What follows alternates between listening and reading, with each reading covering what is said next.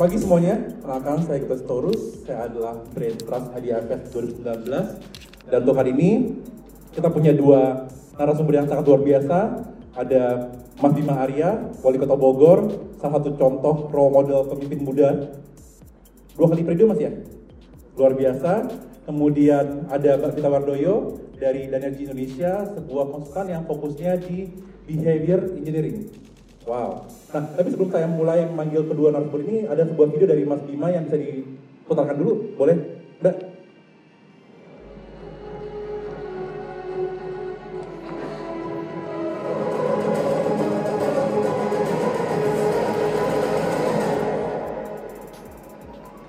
Wow.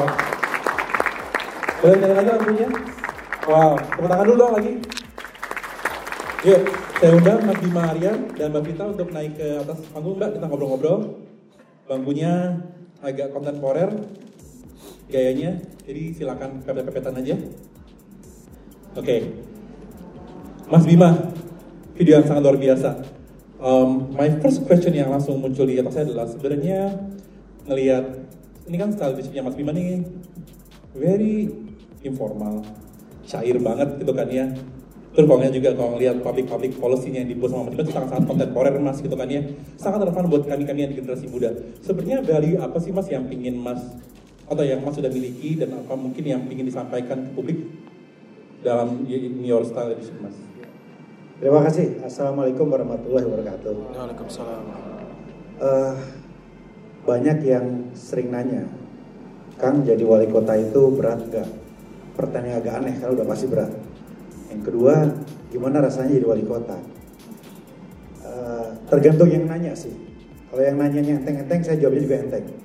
Ya rasanya kayak nano-nano deh. Kadang-kadang asem, kadang-kadang pahit, kadang-kadang ada manis-manisnya gitu. Uh, tapi pada intinya gini, menjadi wali kota atau pemimpin itu itu tidak seindah, tidak semanis, tidak yang orang sangka selalu enak sebenarnya. Saya baru mulai periode kedua eh, menghadapi macam-macam persoalan dan kadang-kadang suka bingung kalau ada orang tuh kayaknya ngabek banget mau jadi kepala daerah. Kadang ada musisi, artis, pelawak, tiba-tiba maju di pilkada. Beberapa ngobrol sama saya. Dalam hati saya, ini orang tahu nggak sih apa yang dihadapin? Bukan nguing-nguingnya aja yang seru, bukan VVIP-nya aja yang nyenengin gitu. Tahu nggak sih apa yang mereka hadapin kira-kira gitu? Nah, pada intinya gini. Ini saya boleh ini sedikit ya? Ya, sedikit dong. Uh, menjadi wali kota itu sama seperti apa yang harus dimiliki oleh teman-teman produser, teman-teman aktor. We have to have passion. Passion. Kalau nggak ada passion lewat jadi wali kota. Jadi passion itu nolong banget. Tapi saya agak kesulitan. Kalau passion ini bahasa Indonesia apa ya? Masa hasrat, syahwat, bukan juga ya? Apa kayak? Gairah, nggak juga. Gairah kesannya gimana gitu? Kira-kira gini deh. Passion itu adalah keinginan untuk berbuat, mengerjakan, atau mencapai sesuatu secara kuat yang berasal dari hati, kira-kira gitu. Dengan hati. Karena kalau nggak ada hati, selesai jadi wali kota tuh. Stres kita ngadepin berbagai persoalan. Passion lah yang membantu kita terus semangat setiap hari buka. Dari pagi sampai malam, ya pagi itu kalau berangkat ke kantor saya excited. Wah ini mau ke sini, ini mau ke Ciliwung, ini mau ngurusin sampah. Saya, ini teman-teman, saya nonton jadi wali kota, itu ngerasa gimana lurah, camat, nggak semua punya passion. Kadang-kadang ada yang wajahnya itu wajah madesu, duduk ikut rapat, pikirannya nggak tahu ke mana. Tapi saya paling suka kalau melihat staff itu, tatapan matanya, gestur tubuhnya, kayaknya siap untuk turun ke lapangan, untuk do something, untuk warga. Itu orang-orang punya passion. Cara mendeteksi gimana? Ya gampang. Ajak aja mereka ke hal-hal yang ekstrim. Ini rapat pertama tahun ini, staff ini rapat kabinet pertama di bawah jembatan Sempur di Ciliwung. Gak pernah gitu. Saya bisa lihat wajah-wajah mana yang agak-agak bingung, grogi, nggak tahu ngapain, wajah-wajah mana yang adrenalinnya naik, kira-kira. Nah, buat saya wajah-wajah yang gak jelas, yang stres di box ini, pinggir, lewat. Ini salah satu cara saya mendeteksi mana staff-staff yang punya passion. Jadi menurut saya passion itu paling penting. Kedua, leadership is action not position. Saya kaget juga, Mbak. Masih banyak loh kepala dinas sama lurah yang nggak biasa dan nggak bisa turun ke bawah. Ya takut kalau ngadepin warga. Makanya saya tantang staff saya. Saya datang ke satu kelurahan, cari spot yang paling bermasalah, paling kotor, paling ribet, paling umum. Saya minta foto, Pak Lurah foto sama saya. Saya challenge, before and after. Ini before-nya, after-nya mana, bisa berapa lama. Ini saya namain Lurah Challenge. Lurah yang oke kita apresiasi. Nantinya bisa naik pangkat jadi camat, jadi kepala dinas. Tapi lurah yang tidur ya ketahuan juga, udah lewat aja, gak usah jadi lurah. Lurah challenge. Ini kiri nih bulan Juli, sebulan kemudian saya tantang nih lurah-lurah mudanya oke, ya, karena bersih. Sungai yang penuh karamba, lurah-lurah sebelumnya stres mau ngapain? Karamba itu punya orang-orang kuat di situ, ada backingnya. Tapi lurah yang muda yang pinter dia tahu cara ngadepin orang. Hilang tuh dalam satu bulan karambanya. Before and after. Cuma satu bulan. Dari the will, dari the way. Kalau mau turun. Ini lurah Sukasari. Ini lurah juga oke. Umurnya 30-an. Saya tantang. Sebelah kiri ini sampahnya luar biasa. Dia lobby warga, dia turun ke warga setiap hari diajak ngobrol. Tiga bulan kelar sebelah kanan. Sekarang anak-anak senang banget berenang di situ. Kadang-kadang juga ibu-ibunya agak risih sih saya kalau ibu-ibunya lagi berenang, terus saya nggak berani datang. Ibu ada nangis. Terus yang berikutnya, uh, buka the devil is in detail. Jadi wali kota itu nggak bisa cuman grand policy aja. Pokoknya saya mau itu bersih. Gimana caranya nggak mau tahu nggak bisa juga. The devil is in detail. Harus turun gitu. Karena kadang-kadang nggak semua sesuai dengan teori atau desain atau gambarnya harus turun. Makanya saya ngerti kenapa Ahok sering turun. Ya karena nggak semua instruksi itu jalan di lapangan. Kadang nggak mau, kadang nggak mampu, gitu. Nih, yang sebelah kiri ini sebulan lalu kita mau buat trotoar di Surken. Ditolak sama warga. Kata warga nggak bisa trotoar gede-gede parkirnya di mana. Gak selesai juga itu urusan sama kepala dinas ya saya turun juga diajak bicara, diajak diskusi, diajak bicara desain. Ya alhamdulillah kemarin karena warga oke, okay. detail. Seringkali birokrat kita nggak detail. Semua perlu turun untuk cek. Kadang-kadang staff-staff kita itu nggak sedetail yang kita harapkan. Yang berikutnya, sering kali pemimpin itu dilema, bukan. Kadang-kadang kalau ada demo, ini gua keluar nggak ya? Ini mahasiswa ditemuin nggak ya? Ada buruh, wah ini gimana ngadepin buruh? Ada tuntutannya gimana? Bagi pemimpin yang nggak berbasiskan nilai, nggak pegang values, pasti akan bingung ngapain. Tapi kalau kita punya nilai, enteng aja kok ngapain. Pak Wali, besok wali kota mau demo. Ke mana ke wali kota? Berapa kekuatan? 4000? Gila juga 4000. Ya, kapasitas balai kota paling cuma 2000 maksimal. Nah, terus ada yang mau ngapain? Mau demo tentang undang-undang KPK. Oke, masuk aja. Benar Pak? Iya, masuk aja. Kita buka balai kota di depan, kita buka balai kota di tengah, kita buka balai kota sampai ke dalam. Kenapa? We share same value. Saya bilang dengan teman-teman mahasiswa sama. Kalau hari ini kalian gundah karena KPK dilemahkan, menurut saya memang KPK sedang dilemahkan. Menurut saya korupsi memang sekarang parah dan nggak bisa nggak pemberantasan korupsi harus lebih kuat, lebih galak lagi ke depan. We share same values, sama gitu. Enak. Tapi kalau bingung kalkulasi, waduh nanti kalau gue ngomong ini partai gue gimana ya? Nanti kalau saya melangkah ke sini nanti gak enak sama presiden. Semua pemimpin yang penuh dengan hitungan kalkulasi politik tanpa berbasiskan values pasti bingung. Semua menurut saya harus values. Gak usah di politik ya menurut saya. Mau CEO uh, unicorn, CEO startup, pasti akan dihadapkan berbagai persoalan. Nah, tapi kalau kita punya values, kita akan hadapi semua. Nah, satu lagi, tadi bukan nanya sama 5 atau 6 tahun challenge-nya apa. Saya belajar satu hal teman-teman sekalian, nggak bisa sendiri sekarang, nggak bisa. Contohnya ya, saya punya 7.000 pegawai negeri ASN di bawah saya. Akuntannya cuma 264. Padahal kita butuh di kecamatan, di dinas, di semuanya. Supaya laporan keuangannya benar. Belum lagi kita bicara IT-nya. Cuman beberapa puluh. Gak bisa. So if we cannot beat them, join them. Gak bisa kita nyaingin Bukalapak, Tokopedia, gak apa itu brandnya. Gak bisa.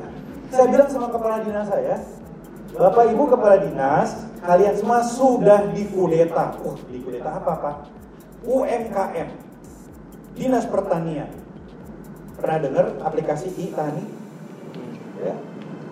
Mereka cari petani-petaninya sendiri untuk di grooming, untuk di coaching, untuk kemudian dibukakan pasarnya, bahkan ada financingnya segala macam. Terus kerjaan dinas apa? Semua udah diambil. Terus kata mereka, Pak regulasi masih di kita kan? Enggak juga, enggak juga. Sekarang kementerian tadi saya baru ngomong sama Pak Rudiantara, enggak hanya jadi regulasi lagi, regulator lagi, tapi fasilitator. Jadi saya bilang nggak bisa, kita kolaborasi. Saya jatuh cinta sama komunitas-komunitas. Ini kekuatan paling tulus. Nanti malam kalau saya mau ngumpulin komunitas, tinggal masuk di grup WhatsApp. Besok kumpul yuk, kita turun ke Ciliwung 100-200 orang datang semua. Tanpa mereka nanya apa-apa. Tapi kalau saya ngumpulin politisi, malam di grup, di posting, langsung dibalas. Pak, agendanya apa? Ada transportnya enggak? Pasukan nasi bungkus. Komunitas enggak, enggak pernah nanya. Values tadi. Makanya sekarang konyol kalau kepala daerah nggak merangkul menggandeng komunitas. Ya. Saya percaya betul the power of sincerity. Ketulusan itu kuatnya luar biasa. Ya, kita lihat aja nih mahasiswa ini kalau tulus ya, kalau kuat kekuatan mahasiswa nggak ada yang nggak bisa dilakukan oleh teman-teman mahasiswa. Nah ini jadi kita bermitra dengan semua semua karena kita merasa nggak bisa sendiri teman-teman. Yang berikutnya gini, sering kali wali kota atau kepala daerah yang oke, tapi kemudian setelah dia turun lengser, situasinya kembali lagi ke masa sebelum dia memimpin. Saya nggak mau ikhtiar yang saya lakukan itu selesai ketika saya selesai juga. Dan menurut saya salah satu indikator dari keberhasilan pemimpin adalah inspiring and grooming future leaders. Nah, makanya saya itu paling senang kalau briefing staff itu ngamatin cara duduk tatapan mata karena saya dosen. Hampir 20 tahun saya jadi dosen dan saya jarang salah. Kalau melihat wajah-wajah Madesu, tatapan Madesu itu generasi jadul 90-an Islam Madesu itu ya. Masa depan suram. Jadi tatapan matanya nggak di kelas, gestur badannya gelisah. Gitu. Ini orang nggak jelas. Ketika saya nanya, kamu 20 tahun lagi kamu ada di mana? Bengong dia. Kamu kenapa masuk para Madinah? Karena Luna Maya sekolah di sini. Isinya sebatas Luna Maya kuliah di para Madinah. Waktu itu waktu saya ngajari. Tapi kalau ada orang-orang mahasiswa saya yang tatapannya penuh dengan passion tadi, berbinar-binar, gesturnya seolah-olah kepo, ini orang oke okay nih mas. Kalau saya tanya 20 tahun lagi dari mana, dia akan jawab ada di tempat bapak sekarang berdiri. Kira-kira gitu. Sama. Saya beberapa kali mengangkat staf jadi lurah, jadi camat, jadi kepala dinas, karena saya mendeteksi ya, gestur chemistry yang berbeda, passion tadi. Begitu kita melihat itu, ada bibitnya. Kita grooming mereka, kita siapin mereka. Dan kita bukan hanya menyiapin seorang wali kota menggantikan Bimari. Saya harus menyiapkan 68 lurah yang oke. 6 camat yang oke dan puluhan kepala dinas yang oke. Dan saya rasa ini juga dilakukan di semuanya. Di seluruh Indonesia dan oleh top level juga. Grooming and inspiring. Ini yang terakhir saya cerita aja sedikit ya, ya program-program dikit. Uh, di Bogor kita fokus ke keluarga. Mungkin cuma di Bogor yang visinya jelas menjadikan Bogor sebagai kota yang ramah untuk keluarga. Saya memperkenalkan dulu tim sukses saya. Ini Menteri Keuangan sekaligus Menteri Dalam Negeri, Budiana Adian. Ya. Saya. Kan, sekarang agak pemalu dikit. Nah, uh, orang nanya, gimana caranya mewujudkan Bogor sebagai kota keluarga?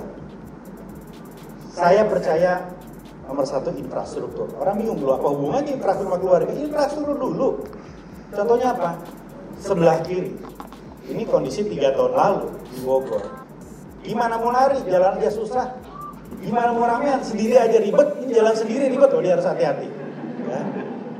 Tapi sekarang ya ribuan orang bisa lari. nggak ada yang lebih membanggakan, mengembirakan hati bagi saya sebagai wali kota ketika melihat warga itu pagi-pagi sudah lari. Bapak ibu berlari-larian, kakek nenek bergandengan tangan. Mudah-mudahan bukan baru kenal di pintu gerbang. itu. Jadi ruang terbuka, taman is not only for the beautification of the city, bukan hanya mempercantik kota, tapi oksigen jiwa, kebersamaan. Coba teman-teman kalau lari sama-sama di jogging track, begitu papasan, apakah yang ditanya kemarin pilkada nyoblos siapa? Kan nggak mungkin. Lu kampret pak cebong, nggak mungkin juga. Dia nggak, pasti nanya sering lari di sini, kan gitu. Ini jogging track oke okay ya, dipersatukan oleh hal-hal yang positif tadi. It's all about togetherness. Brotherhood, sisterhood. Itu target kita. Makanya di kota-kota yang maju, yang beradab, itu yang ruang terbukanya oke. Okay. Orang-orang nggak hangoutnya di mall, tapi di ruang terbuka seperti ini. Nah ini before after berapa tahun, ini juga before and after saya diledekin terus Wagiman, Wagiman, wali kota gila taman. Bodoh amat, saya punya target.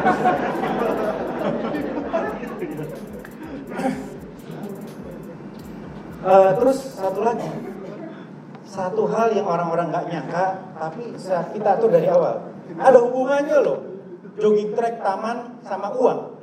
Apa hubungannya? Sejak trek jogging ini dibangun, taman-taman dibangun, ya hotel-hotel di sekeliling Istana Kebun Raya itu okupansinya naik drastis. PAD naik drastis. Bapak Ibu teman-teman kalau jogging di sekeliling Istana Kebun Raya, ambil aja satu orang. Bapak dari mana? Dari Makassar. Nginep di mana? Di Hotel Anu. Saya cek okupansi naik. Kesejahteraan. Bukan hanya kebersamaan. PAD-nya naik. Sejak tahun 2014, PAD Kota Bogor naik 100 miliar setiap tahun. Ini hal-hal lain Bapak Ibu, ini masalah kita serius loh. Ya. Iya, tawuran. Kenapa saya tunjuk? Saya pengen banget nyolok matanya terus terang. iya, mereka itu dagang online. Jadi online ya, yang online-online itu. Ya. Ini mereka jualnya sajam senjata tajam tuh di situ jualannya. Dan senjatanya bukan hanya golok yang segini enggak loh kayak pedang mau perang di abad pertengahan film-film Braveheart dulu ya begitu tuh panjang dibuat ada produksinya khusus ada tim yang angkutnya ada tim yang nyembunyiinnya gitu mereka berantem di Facebook dan lain-lain ngeri kalau kita nggak serius bahaya kita harus selamatkan generasi masa depan kita ini nah ini juga harus dilakuin nggak semua jangka pendek ini jangka panjang tapi saya percaya ini harus dilakukan oleh kita semua bisa lewat hal seperti ini. Di APBD kita alokasikan khusus untuk membangun karakter anak-anak muda. Sejak empat tahun yang lalu, Pemkot memberikan beasiswa untuk putra putri terbaik untuk kuliah di universitas terbaik. Ya, hampir 50 anak-anak kita sekolahkan. Ini satu lagi, cuma ada di Bogor, agak kontroversi. Ya. Tapi saya mau pasang dulu sedikit satu menit ya. Video sekolah ibu ada. Ini karena tawuran tadi. Jadi begini ya, Bapak Ibu teman-teman, ini anak-anak ini kan kita amankan ke kantong polisi yang bau alkohol, tatonya di mana-mana. Dengan harapan apa? Dijemput oleh orang tuanya, ya enggak? Apa yang terjadi? 70% enggak ada yang jemput. Begitu saya datang besoknya, loh kok masih ada? Enggak ada yang jemput pak. Enggak bawa sendok kali ini enggak dijemput. Jadi aneh, di mana orang tuanya? Di mana sekolahnya? Siapa guru ngajinya? Gak jelas. Ini pasti keluarganya gak beres. Peran ibunya di mana? Makanya kemudian kita buat ibu PKK, dinas kolaborasi buat program memang sekolah ibu. Seminggu dua kali ketemu. 30 orang satu kelas. Ada ikut gak? Ngantri. Jadi sekarang itu udah line up-nya udah banyak untuk sekolah ibu, dari ribuan alumninya. Banyak yang gak jadi cerai gara-gara sekolah ibu ini. Serius ya. Jadi ibu-ibu yang kemudian tahu bahwa oh gini cara ngadepin suami saya yang bawel. Oh gini caranya buat bahagia di keluarga dan sebagainya. Jadi fungsinya adalah untuk supaya ketahanan keluarga. Gitu. Ada? Ya. Uh, sekolah ibu ini kemudian diadopsi di provinsi menjadi program resmi di provinsi. Bukan hanya soal mengurangi angka perceraian, bukan. Tapi bagi kita, keluarga adalah fondasi yang paling utama, di mana semua dibangun di Ini sudah sekolah ibu pertama, 4.000 orang. Ibu-ibu gembira, ibu-ibu happy. Katanya kalau ibu gembira, bapaknya tiga kali lebih gembira.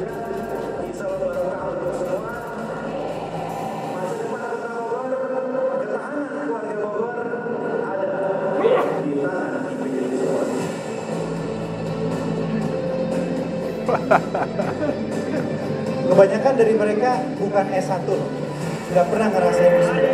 Jadi kebayang excitednya seperti apa.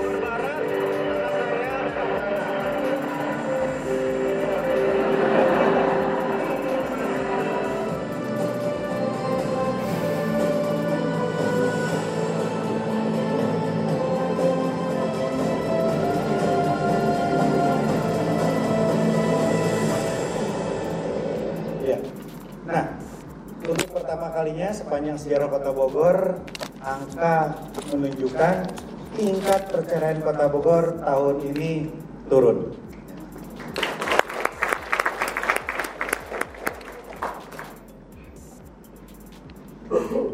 Ya.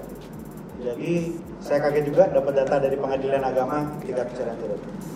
Yang berikutnya Bapak Ibu, Kota Bogor kadang-kadang dicap sebagai kota intoleran. Padahal nggak benar.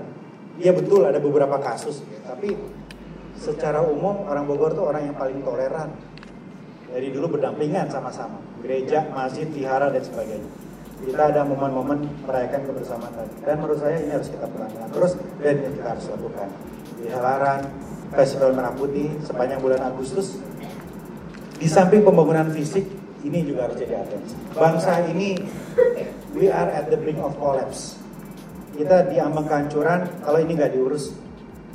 Kalau nggak diurus, cebong dan kampret akan selamanya ada. Ini nggak bener, nggak sesuai dengan cita-cita pendiri bangsa. Makanya menurut saya semua kepala daerah harus fokus pada isu kebersamaan di atas keberagaman. Saya kira itu sebagai pembuka tempat Terima kasih. Wow, luar biasa. Thank you, Mas. Eh, hampir 15 menit eh, Mas Bima ngomong, saya cuma kepikiran. Saya the reason kenapa kita bikin ini juga karena tadi saya bilang banyak sekali kalau kita kalau kami panitia ngecek mas dari demografisnya pengunjung AJS itu hanya tiga sebenarnya Eh, yang entrepreneur, wannabe entrepreneur, terus orang korporat sama anak muda. Ya sebenarnya mereka pingin banget, eh, bukan pingin banget, harus punya sense of leadership. Saya menjadi corporate sampai 20 tahun mbak, makanya kemudian saya saya memutuskan untuk pindah jadi entrepreneur. Sekarang kita punya 20 restoran dan segala macamnya, yang pegawainya mungkin hanya 400 orang. Makanya Mas Bima tadi bilang ASN 7 ribu. 7 ribu kan ASN masih, kemudian penduduk Bogor itu hampir 1 juta kalau nggak salah Satu juta ya. saya aja mem- memikirkan how to come up with decision tuh lama banget mbak karena itu dampaknya luar biasa kayak mikirin menu apa ya yang harus buat di restoran gue ya untuk bulan depan ya? Itu akan dampaknya luar biasa ke kitchen kemudian bisa nggak chef gue masak? Itu lama banget. I can imagine Mas Bima dalam posisi sebagai seorang leader semua yang dihasilkan itu berdampak buat ratusan ribu orang.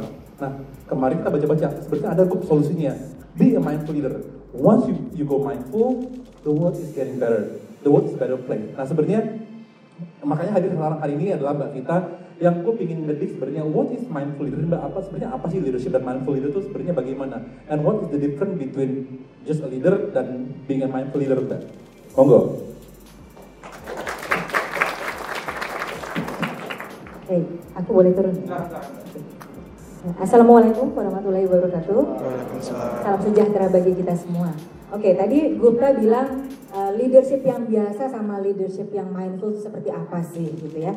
Uh, kita mulai dengan yang leadership aja dulu ya. Kalau banyak sekali Anda bisa googling istilah leadership itu kayak apa. Saya punya um, definisi yang lebih simple adalah ability. Ability itu mencakup awareness dan skill. Awareness tuh hanya tahu aja. Tahu belum tentu bisa melakukan, ya. Tahu googling tapi belum tentu bisa melakukan. Untuk lead oneself consciously, ya, leading ourselves, and then leading others, ya, untuk contribute to the community, ya. So becoming the best version of ourselves, and then for the better world, ya. For, not of. Oke.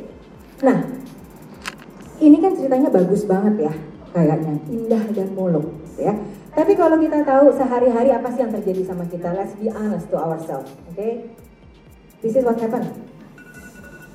Ya, every morning, gitu ya. Saya dengar teman-teman di IDFS panitia pada nggak tidur, jadi aku rasa kayaknya wakernya penting sekali, oke? Okay? And then right after the alarm, what happened? Snooze. Okay, and then still on the bed, this is what happened. Okay, yeah, yeah. WhatsApp, Insta, Gmail, Google Calendar, and everything still on the bed. Okay, so di slide pertama, we should be conscious leading ourselves. In reality, gadget drives us. Ya kan? So what happened? Ya, we connected 24/7 with gadgets. Ya, kecepatan internet sekarang microseconds. Okay, this is ourselves. We are human doing, not human being. Because we cannot stop. Ya, and if only we try to stop, try to become human being, ya, this is what happened. Ya, Pikirannya ke mana? our mind cannot stop. We are addicted to busyness. Ya, and our mind keep thinking and thinking and thinking. Ini gue banget mbak, kalau gue lagi meditasi mbak. Iya Gue kan? mikirin kerjaan gue. kalau lagi, lagi di gereja, Iya. gue gak bisa diem. Ya, Betul. gue mikirin kerjaan gue juga. Jadi breathe in, out, in, deadline, out, Mindset. in, aduh, yang itu gue belum kerjain, nanti gue mesti WhatsApp dia, out. Nah, we cannot stop. Okay, so this is what happened to us. Yeah, then you know research shows 47% of our time is mind busyness. 47% itu artinya half of our time. We either think of the past or think wondering of the future. We are not living in present which is mindfulness. Okay, so what happened kalau kita kayak gini ya? We become less human. Okay, at the end of the day, heartless, brainless.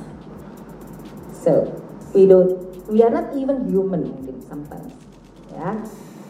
Nah, apa dong yang mesti kita lakukan? Tadi Gupta bilang, ya. Jadi let's be mindful. Ya. Mindful tuh apa sih sebetulnya definisinya? Ada banyak banget definisinya gitu ya. Kalau saya suka bilang being present with high consciousness. Ya, present at this time. Bukan hadir di sini tapi kita mungkin melihat handphone. We are not being present. Oke? Okay? Or even kita nggak melihat handphone but our mind wondering, aduh bentar makan siang apa? Not being present. Ya. Or other thing adalah paying attention with heartfulness. Remember, we also have heart compassion. Ya. Being kind, no judgment. To yourself and to others. Ya. Sosial media itu membuat kita sering menjudge diri kita. You know, when we open Instagram, isi itu kok bisa liburan terus sih? Itu ketawanya langsung keras loh. Ya. Kapan nih gue liburan gitu kan ya? Terus mulai, ih dia pergi sana lagi loh. Gitu kan, ya. So, um, we envy, we judge ourselves. Kenapa sih gue nggak bisa pergi kayak dia? Gitu ya. We judge ourselves and then we judge others. Gitu ya. Pergi-pergi melulu emangnya dia kayak kurang kerjaan aja deh. Mungkin bisnisnya nggak laku gitu ya. So we judge ourselves and we judge others. We are not being mindful. Okay? Ya, so heartfulness, being kind. Nah, lalu mindful leadership itu apa? Gitu ya. Uh, saya nggak suka yang terlalu konseptual. Apalagi kalau teman-teman di sini punya bisnisnya sendiri, let's go down to earth lah. Gimana sih mindful leadership itu, gitu ya? For me, uh, the very practical uh, implementation adalah nomor satu, nafas. Eh, Bapak Ibu, kalau Tuhan menyerahkan ya uh, nafas itu kepada kemauan kita, ya kita udah meninggal dari kemarin-kemarin, lupa. Exactly, betul? Lupa. Ya, beruntunglah bahwa nafas itu diberi autopilot. Oke, okay. so ambil nafas dulu. Ya, habis itu read the situation in front of you. Oke, okay? apa yang mesti kita read? Only three things. Nomor satu, myself. Nomor dua, others, orang yang kita hadapi. Nomor tiga, situasinya. Oke. Okay? Nah, yang pertama, myself, apa tuh? Apakah mimpi kita sebetulnya? Ya. Lalu apakah mindset yang kita pakai sekarang itu mendekatkan kita kepada impian kita atau menjauhkannya? Ya. Misal, impian menjadi sehat, mindset.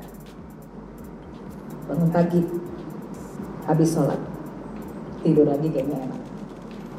Enggak bisa lari, gitu ya.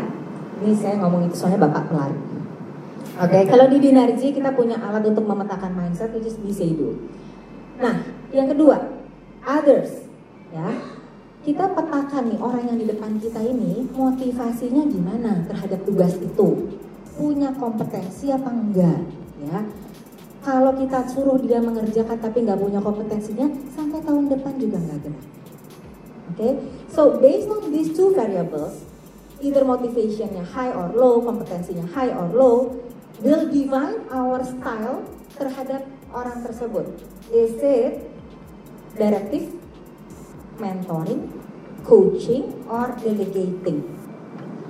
Oke, okay? kalau orangnya udah jago banget, semangat 45, kita baru mau ngomong dia udah lari, delegasi aja. Nggak usah sok membimbing. Ya, you spend too much time. On the contrary, kalau orangnya misalnya nggak punya semangat, nggak punya kompetensi, it, then you have to be directive. Ya, spend too much time di mentoring dan coaching will require you a lot of time karena itu dua arah. So divide. Oke. Okay? Lalu yang ketiga, situasinya ini apa sih? Is it the short term, medium, or long term? Oke, okay? kita nggak bisa menerapkan semuanya short term decision, semuanya urgent, ya. Bisa stres bapak ibu, ya. And then is it uh, operation, strategic, or innovation yang needed? Oke, okay? uh, minta maaf tapi dulu saya suka gini kalau sama anak buah saya. Uh, ada yang meninggal nggak kalau gue nggak putuskan detik ini juga? Enggak sih mbak. Oke. Okay. Give me 10 minutes. Or I'll think it over last night, uh, tonight, then I'll get back to you tomorrow morning. Ya, karena mungkin setelah diendapkan keputusannya jauh lebih baik. Okay? nah, that's it. So, what should we do setelah mengetahui ini? gitu ya. Anda hari ini punya banyak sekali pengetahuan dari berbagai macam ruangan. Dan what would you do? Okay. I would suggest only do one thing. Blank.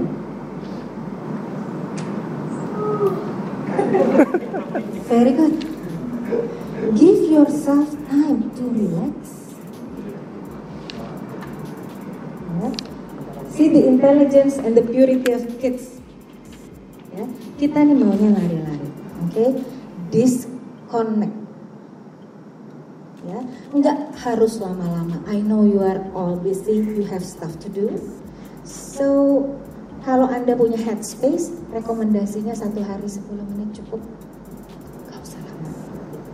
Ya saya usually I take 20 minutes minimum. Ideally 2 times 20 minutes tapi 10 minutes enough okay? then what would you do kalau udah blank?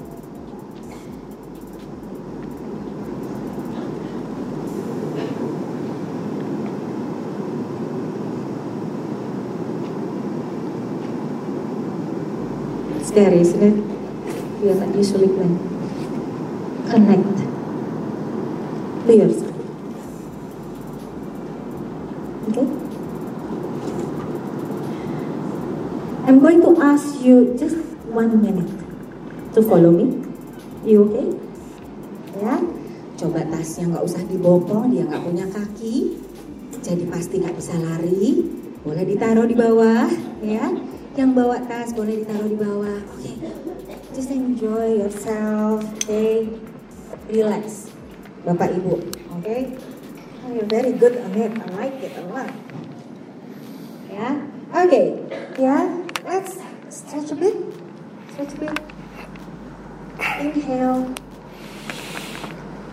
Exhale. Inhale again. Exhale. Maybe you want to close your eyes, but wide open is okay. Inhale. Exhale. Semua tulang-tulang di rahang coba dikeluarkan sedikit. Pipi. Leher. Bahu. Perhatikan bahwa Anda bernafas. Nafas ini memberi Anda kemampuan untuk tetap ada di bumi. The oxygen is coming to your body and out. Feel it and relax. You are safe and sound. Okay.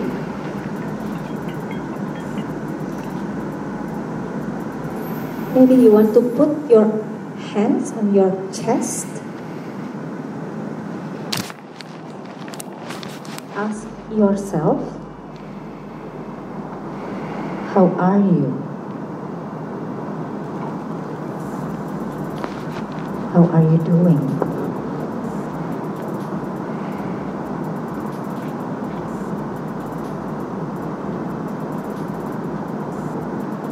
Okay? Now, at any time you feel comfortable, you can open your eyes.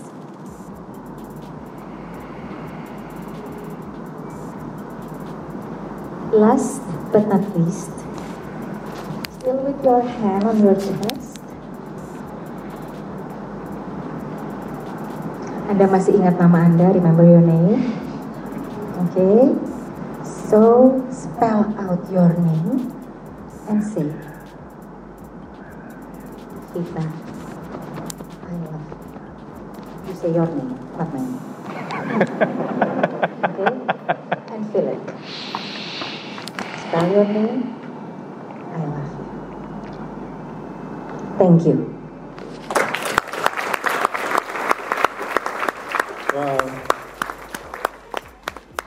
Nah ini luxury banget loh. Maksudnya tidak semua orang mempunyai kemewahan untuk menerapkan prinsip-prinsip seperti ini sebenarnya. Tadi yang, yang tadi ku bilang enggak. I have a lot of question in my mind ke, ke Mas Bima sebenarnya. Mas dengan understand that you have consequences. In every decision that you make, Mas punya konsekuensi ke ratusan ribu orang. Satu, bahwa apa pun yang Mas Bima lakukan itu punya konsekuensi. Kedua, di dunia yang begitu banyak kita ini hidup dalam dunia yang banyak kalau lelang informasi mas. Kan tadi mbak kita bilang kita bangun tidur langsung baca buka email WhatsApp dan segala macam. Yang memberikan kita banyak referensi gitu kan ya. Which decision is the best for me and for my people gitu kan ya saya tadi bilang saya punya saya punya restoran bikin menu aja harus benchmarking berbulan-bulan ya kan? Makanan mana yang paling paling bagus buat market gua nah in your case mas mas punya waktu nggak sih mas untuk kalian bernafas kemudian memilih mana sih sebenarnya taman mana yang paling bagus buat rakyat gua ya kan? Sungai mana yang mesti gue beresin atau sekolah mana yang mesti gue bikin apakah ibu-ibu atau bapak-bapaknya gitu kan ya? Nah boleh nggak share mas gimana sih proses, proses pembuatan ini mas keputusan mas Jadi wali kota itu membuat saya makin merasa penting arti dari me time. Ini nyambung sama Mbak Vita tadi ya. Ini teman-teman kalau kita ikutin nih jadwal, Saya dari mulai jam 6 sampai jam 12 malam ngalir terus tanpa kita mikir sesuatu yang substantif dan values tadi. Ngalir aja, datang ke acara ini, datang ke acara itu terus. Kan. Gak akan ada waktu untuk kita duduk dan mikir, ini yang gue lakukan bener gak ya? Are we on the track? Gitu. Kalau nggak ada itu, nantinya kita kayak bisnis as usual aja, kayak mesin. Makanya saya nikmatin betul tadi ya, terutama bagian terakhir I love you, I love you. Jadi harus selalu kalau saya me time dan cara itu sambil lari. Makanya senang saya lari mau lari ramen mau sendiri. Kadang-kadang mesti follow Instagram Mas Bima juga karena Mas Bima tuh runner juga. sambil ya ada orang-orang di kamar mandi bisa reflektifnya gitu kan. Ya, tapi buat saya ya di kamar mandi sambil lari juga reflecting tadi, reflecting moment kan. Kemarin gue begini, bener gak ya? Tapi selain itu menurut saya harus ada yang spiritual. Harus ada yang spiritual. Karena begini, kalau bawahan saya saya motivasi terus, tapi bukan spiritual, mereka orientasinya hanya kursi dan materi. Ribet. Misalnya BUMD ya. Begitu mereka semangat kerja, tujuannya adalah menjadi direksi. Padahal direksi cuma 5. Staff-staff saya yang balik yang 7000 itu, kalau kerjanya kursi, camat cuma 6, lurah cuma 68, kepala dinas cuma 23, mereka 7000. Jadi kalau urusannya ke situ selesai, chaos. Makanya harus ada aspek spiritual tadi. Bahwa kita berbuat untuk menjadi arti. Hidup sekali harus punya arti. Saya kalau nanya anak-anak SD, anak-anak SMP kemarin nanya ke saya, kenapa sih Kang Bima mau jadi wali kota? Jawaban saya sama. Hidup hanya sekali, hidup harus punya arti. Itu aja. Wow. wow. Sebelum gue buka uh, tiga kesempatan buat pertanyaan, um, my question mbak, how do you start? buat jadi mindful itu sebenarnya dari mana mulainya mbak? Uh, sebetulnya itu enggak itu kan perjalanan ya. Jadi nggak pernah ada yang benar nggak ada yang salah. Tenang aja gitu ya. Uh, jadi you can start from anywhere. Even mulai makan karena ada mindful eating gitu kan. Uh, coba makan jangan cuma langsung ditelan gitu. Boro-boro 32 kali ngunyah itu agak. Tapi kan uh, kan waktu Gupta menyiapkan makanan itu aja kan ada cinta yang dituangkan ilmu dan nah ini nih kita jangan langsung telan pelajari teksturnya wow rasanya itu udah mindful jadi so mindful basically be, be a mindful person first before you can actually be Yes. a mindful leader ya Iya, iya. Dan mindful itu bisa dikerjakan sambil jalan, sambil nyapu, sambil duduk. Anyway. Oke. Kemarin saya belajar uh, mindful eating susah banget. So, saya disuruh megang anggur dan disuruh ngucap 32 kali. Jadi ya, biasanya cuma Satu anggur kalau pakai mindful berapa lama makannya? aduh. Lama banget, dan bakalan langsung. Tuh dia langsung wah gitu kan. ya. Ini sudah 32 kali. Damn, so banget. Anyway, saya buka tiga pertanyaan buat teman-teman di bawah. Oh, woi, woi, woi, kalam. Mbak dulu yang sana, kemudian Mas ini, kemudian yang di belakang sana, Mbak sana ya. Oke, silakan maju ke depan Mbak, ada mic Mbak. Sebut nama dan NIK-nya Mbak.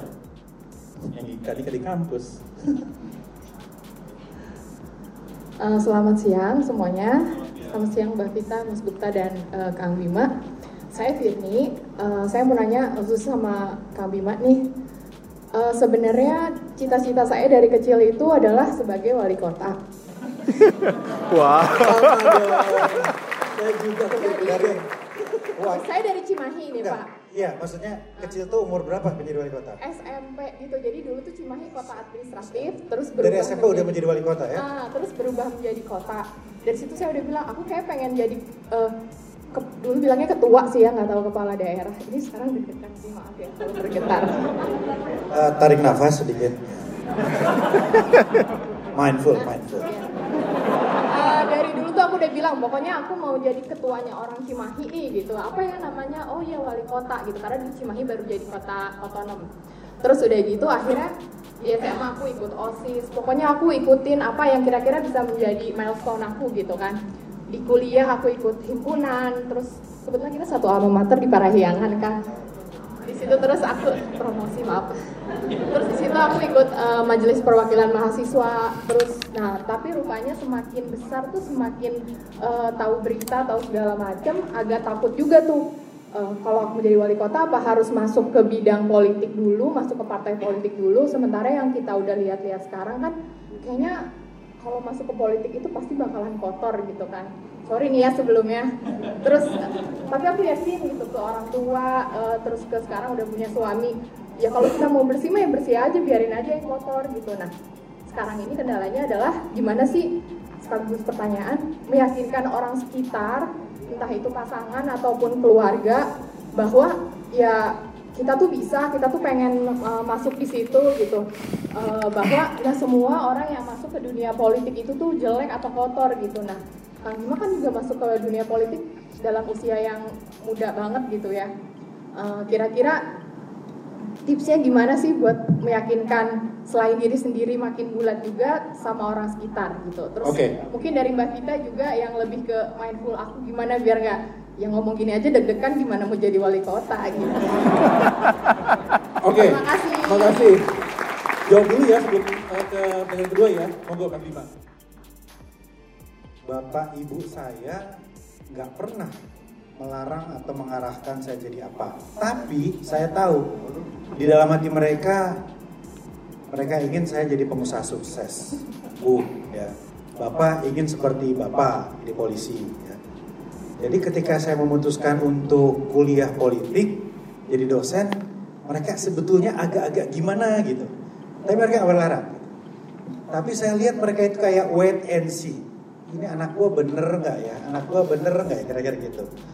Tapi terus saya fokus. Mulai dari SMA, teman-teman perlawanan saya tanda kutip terhadap bapak ibu adalah ketika SMA saya masuk jurusan sosial. Tempatnya anak-anak madesu tadi anak-anak nakal Bandung madol madol dulu madol istilahnya ya sekarang apa ya cabut gitu kan gitu tapi saya bilang enggak pak saya suka sosial gitu itu tuh perlawanan pertama perlawanan kedua masuk fisik perlawanan ketiga jadi dosen gitu. tapi terus aja track itu lama-lama ibu bangga juga ibu itu orang paling bangga di dunia ketika menyaksikan saya muncul di TV untuk ngomong pertama kali gitu jadi gitu konsistensi kita. Kadang-kadang gimana kita meyakinkan orang lain, orang kita aja nggak yakin sama diri kita, pilihan kita gitu. Yakin ya terus gitu, konsisten di. Ya. Umurnya berapa? Gimana? Ya. Oh, paling nggak boleh sebenarnya umur ke perempuan ya katanya ya. Nggak boleh ya. ya. Nggak, maksud perkiraan karirnya gitu. Masih bisa lah. Umur 40-an bisa jadi wali kota lah, asal konsisten tadi terus Tadi deg-degan karena bicara di depan orang banyak atau bicara di depan saya? Monggo Pak Pita, jawab tadi. Oke, okay, thank you. Tadi pertanyaannya aja gimana jadi wali kota kalau ngomong di depan gini aja deg-degan gitu ya. Uh, ngomong di depan publik itu uh, salah satu yang pakai jam terbang memang gitu ya. Jadi pertama kali saya ngomong jangankan di depan orang sebanyak ini, cuma di depan 100 orang aja lututnya gemeteran dan setiap kali berbeda. Di depan 2000 orang tetap udah 400 orang mastering tetap dan lagi. So whatever you practice will grow stronger. Whatever you practice will grow stronger. Whatever your focus is will grow. So if you keep focusing on it, the universe will open the way for you. If you keep practicing on it, your muscles um, untuk kemampuan bicara di depan publik, ketenangan menghandle anxiety akan getting stronger and you will master. Oke, okay? jadi mulai aja jadi pembicara di depan mana gitu ya, uh, pilih forum-forum yang aman, then you will go. Oke. Okay. Thank you, Mbak. Move on to next question tadi. Mbak, yang tadi siapa? Yang sana tadi? Yang kacamata ya? Ya. Silakan Mbak ke depan mic. Ini kayaknya mungkin entrepreneur mbak atau pengusaha atau bisnis women? Entrepreneur. Semuanya merangkap. Uh, selamat siang uh, Kang Bima, Mbak Vita dan juga Bang Gupta. Uh, saya punya pertanyaan tadi mengenai mindfulness uh, juga tadi kan kita melihat bahwa dari bangun pagi dan sebagainya pertanyaannya Bang Gupta juga bagaimana caranya di antara semua kesibukan kita kita mempraktekkan mindfulness? Yang saya tanyakan sebetulnya praktikalnya itu seperti apa ya Mbak Vita ya? Maksudnya jika kita sekarang aware bahwa kita harus being mindfulness we have to be a human being instead of, instead of human being tapi when it comes to habit how do we actually start that? Untuk uh, praktikalitinya yang mungkin berdasarkan yang Mbak Vita gitu ya. Dimulainya seperti apa kemudian akan menjadi habitnya itu caranya seperti apa. Itu pertanyaan saya terima kasih. Ini you untuk pertanyaannya. Nah, uh, gini, uh, saya mulai persis sama gitu ya. Jadi uh, jangan pikir bahwa saya saya saya tuh dulunya manusia melayang gitu enggak. And and we it will not gitu ya. the result of being mindfulness adalah we, kita tidak akan bisa melayang atau berpikir ini enggak nothing. So cara yang paling praktis nomor satu buka handphone Anda, cari uh, Google Store atau App Store, download beberapa aplikasi meditasi di sana. That's the easiest way, oke? Okay? Ada yang untuk satu menit, tiga menit, 10 menit, you can start from there. Oke, okay? saran saya adalah begitu bangun pagi, ya, uh, cuci muka, kalau Anda sholat setelah sholat subuh, kalau Anda uh, Nasrani setelah uh, saat teduh begitu, habis itu langsung langsung ambil waktu untuk uh, meditasi. Itu cara yang paling praktis buat saya. Karena setelah itu bisa saya tik di to-do list dan gitu ya. Takes only 10 minutes aja dulu. Nanti itu akan gradually meningkat gitu ya. Nah, lalu outputnya jangan Anda harap bahwa Anda akan langsung itu ya apa sakti gitu ya. Enggak output yang bisa diharapkan adalah anda tenang di dalam mengambil keputusan terutama bisnismen. Yang kedua waktu yang sama 24 jam sehari Anda bisa menyelesaikan hal lebih banyak. Why? Because we have laser focus. Laser focus laser bukan laser ya so kita becoming very sharp that's one of the indication Nah, lalu kalau kata seorang uh, pendeta Buddha, nggak penting tadi kepalanya masih ke sana kemari gitu ya waktu kita practicing, itu kayak orang nyemplung di air, cuma kakinya aja atau berenang sepenuh badan sama-sama basah. So be kind to yourself, oke? Okay? Fokus kadang-kadang nggak fokus, it's okay, just keep doing it. My suggestion would be don't even stop untuk 21 hari yang pertama. Oke, okay?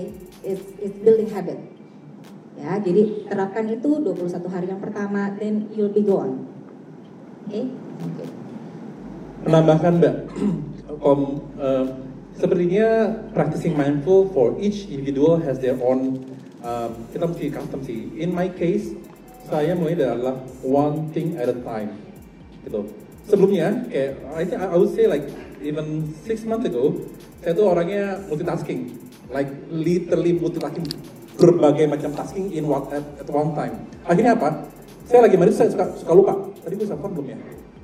Udah sekali belum ya? Karena gue, gue, karena gue udah sampoan gitu. Tapi dan I, I repeat.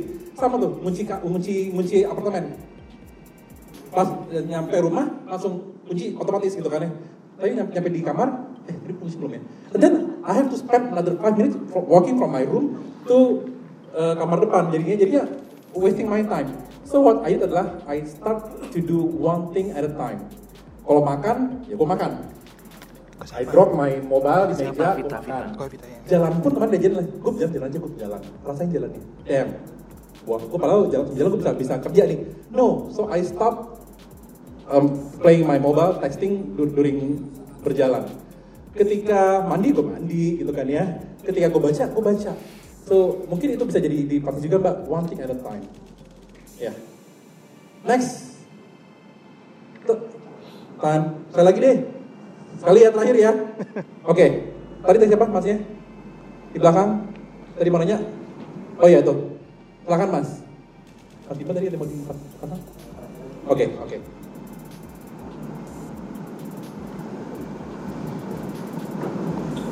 Selamat siang, Kang Bima, Mas Gupta, Mbak Vena. Uh, nama saya Denny, saya profesional juga. Saya uh, sama sekarang ini saya jadi middle, middle management lah ya supervisor gitu.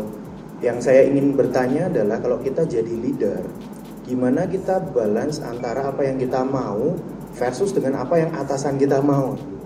Nah mungkin kan Kang Bima juga dalam politik ya. Jadi kan ada misalnya pressure politik pressure dari atasan misalnya uh, Pak Gubernurnya minta sesuatu gitu atau yang lebih tinggi lagi gitu kan. Kan pasti ada gitu. Nah itu balansinya gimana? Apakah kapan kita harus fight? Kapan kita harus oh, ya udah deh saya ikut gitu. Mungkin juga dari Mbak Vina tadi uh, proses berpikirnya itu yang tepat gimana karena kadang-kadang saya cuman mengandalkan emosi, fight aja gitu. Atau kalau enggak, aduh takut nggak berani. Makasih. Matur Mas. Monggo Mas Bima. Leaders are those who know the way and lead the way. The question is, how can we define the way? It's not the leader's way, it's our way. Jadi kalau kita nurut sama gubernur, itu bukan karena gubernurnya yang mau, tapi gubernur menjalankan program-program pemerintah. Kalau camat terus nurut ke wali kota, karena wali kota menjalankan rencana pembangunan jangka menengah daerah. Jadi loyalitas kita, pelayanan kita, kerja kita adalah untuk gagasan, ide dan program. Bukan asal Bapak senang. Saya nggak masalah kalau ketemu camat, lurah, dinas yang nggak suka sama saya. Tapi mereka harus kerja keras untuk program yang saya ciptakan dan kerjakan. Itu. Jadi sebatas etika, sebatas sopan santun, sebatas respect to others, yes. Tapi jangan pernah asal Bapak senang. Disuruh korupsi, ikutan korupsi. Ya enggak. Itu kira-kira ya. Jadi yang kita perjuangkan adalah gagasan kita. Bukan melayani orang. Saya bilang kepada camat dan lurah ketika dilantik. Saya adalah atasan Anda semua. Tapi tuan kita semua adalah rakyat dan warga kota Bogor.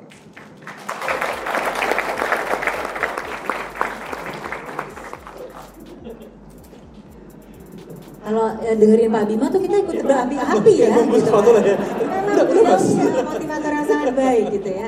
Oke, kalau dari saya begini, uh, emosi itu bisa diidentifikasi ya, uh, sensasi fisiologis itu bisa diidentifikasi. Jadi waktu rasa urat leher udah mulai mengencang, rahang mengeras gitu ya, mau ngamuk, perhitungkan. Kalau mempertimbangkan Anda dipecat, nanti dulu gitu ya.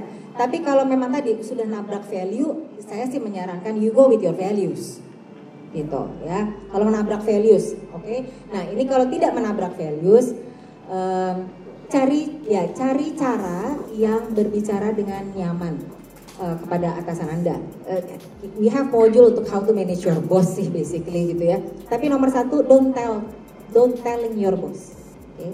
Pakai pertanyaan untuk mendirect supaya bos Anda mengikuti ide-ide Anda.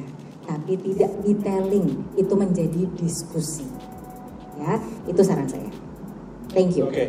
Mas, untuk menutup sisi kita siang ini, Mas Bima ada sesuatu yang mau disampaikan, Mas? Saya tuh senang, Bukta, Bang kalau melihat anak-anak muda sekarang udah ada di atas, yang on top. Usia 20-an udah punya startup sendiri, keren.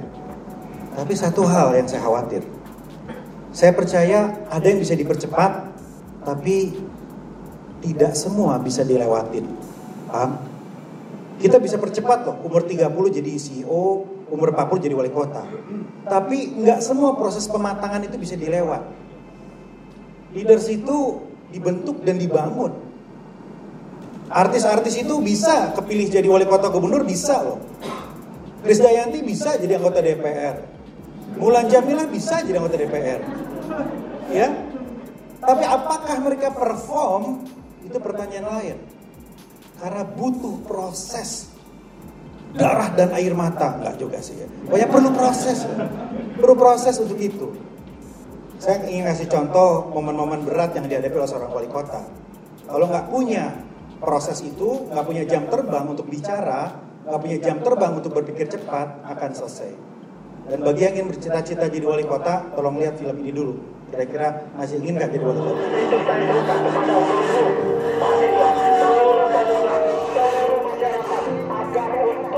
Apa yang Anda lakukan ketika 5.000 orang menyerbu kantor Anda?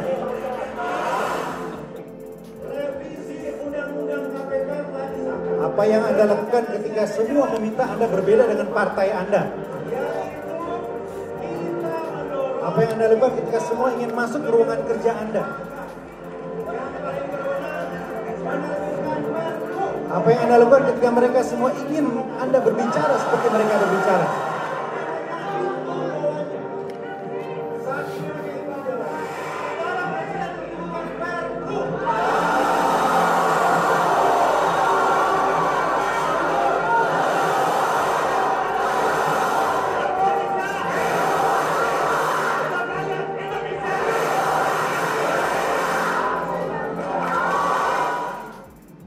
Memimpin adalah suatu proses, jadi nikmatilah proses itu. Terima kasih.